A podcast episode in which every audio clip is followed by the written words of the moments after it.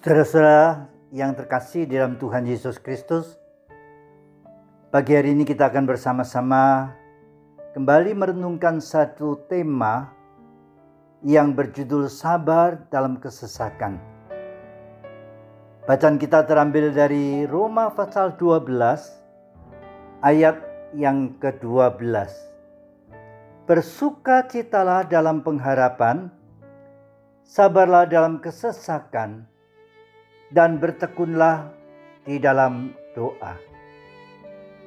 Saudara-saudara yang terkasih, sabar adalah sebuah kata yang mudah untuk diucapkan, tetapi tidak mudah untuk dilakukan.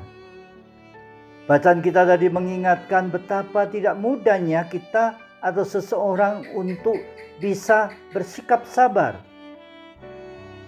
Yang pertama kita hendak renungkan bersama, sabarlah dalam kesesakan. Mengapa harus sabar di dalam kesesakan?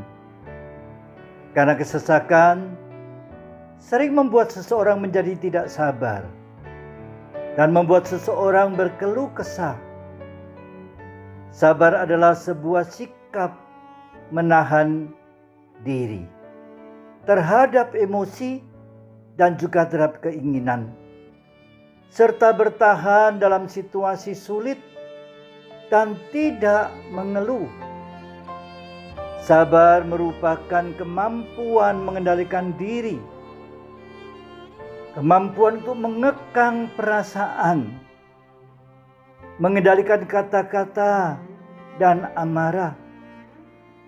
Kesesakan di sini digambarkan sebagai satu kehidupan kesengsaraan kondisi yang menekan, dan membuat perasaan kacau, membuat seseorang tidak bebas dan tidak bersuka cita. Saat saya membaca tulisan seorang ilmuwan yang memprediksi bahwa kemungkinan virus corona di Indonesia baru akan mulai berakhir pada 7 Juni dan berakhir total pada 7 September 2020. Saya menarik napas panjang dan berkata, "Kok lama ya?" Corona yang berkepanjangan sudah menyesakkan, menekan dan membatasi ruang gerak, di mana seseorang tidak lagi memiliki kebebasan dan merengut sukacita banyak orang. Lalu bagaimana bisa sabar dalam kesesakan? Yang kedua, Paulus mengatakan bertekunlah dalam doa. Dalam bertahan menghadapi kesengsaraan, tekanan, utamakanlah berdoa. Kata bertekun artinya selalu mendampingi, memakai banyak waktu. Pada saat menghadapi tekanan, Paulus menasehati, banyak-banyaklah berdoa. Biarlah doa selalu ada bersamamu dalam keseharian hidupmu. Doa mengalahkan semangat yang padam. Doa menyalakan semangat hidup. Doa membangkitkan semangat yang pudar.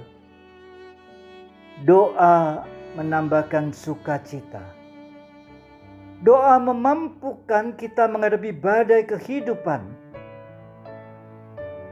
Jemaat yang dikasihi Tuhan, Pandemi corona dalam sekejap mengubah kehidupan umat manusia. Ada banyak perusahaan yang rugi sehingga juga banyak orang-orang yang ter-PHK. Mereka tidak menerima gaji. Mereka kesulitan untuk makan. Mereka kehilangan orang-orang yang dikasihi. Marilah saudara, kita menghadapi situasi pandemi yang sulit ini dengan hidup tetap sabar dan tetap bertekun di dalam doa.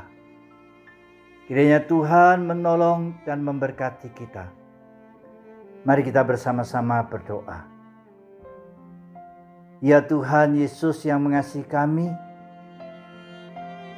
terima kasih.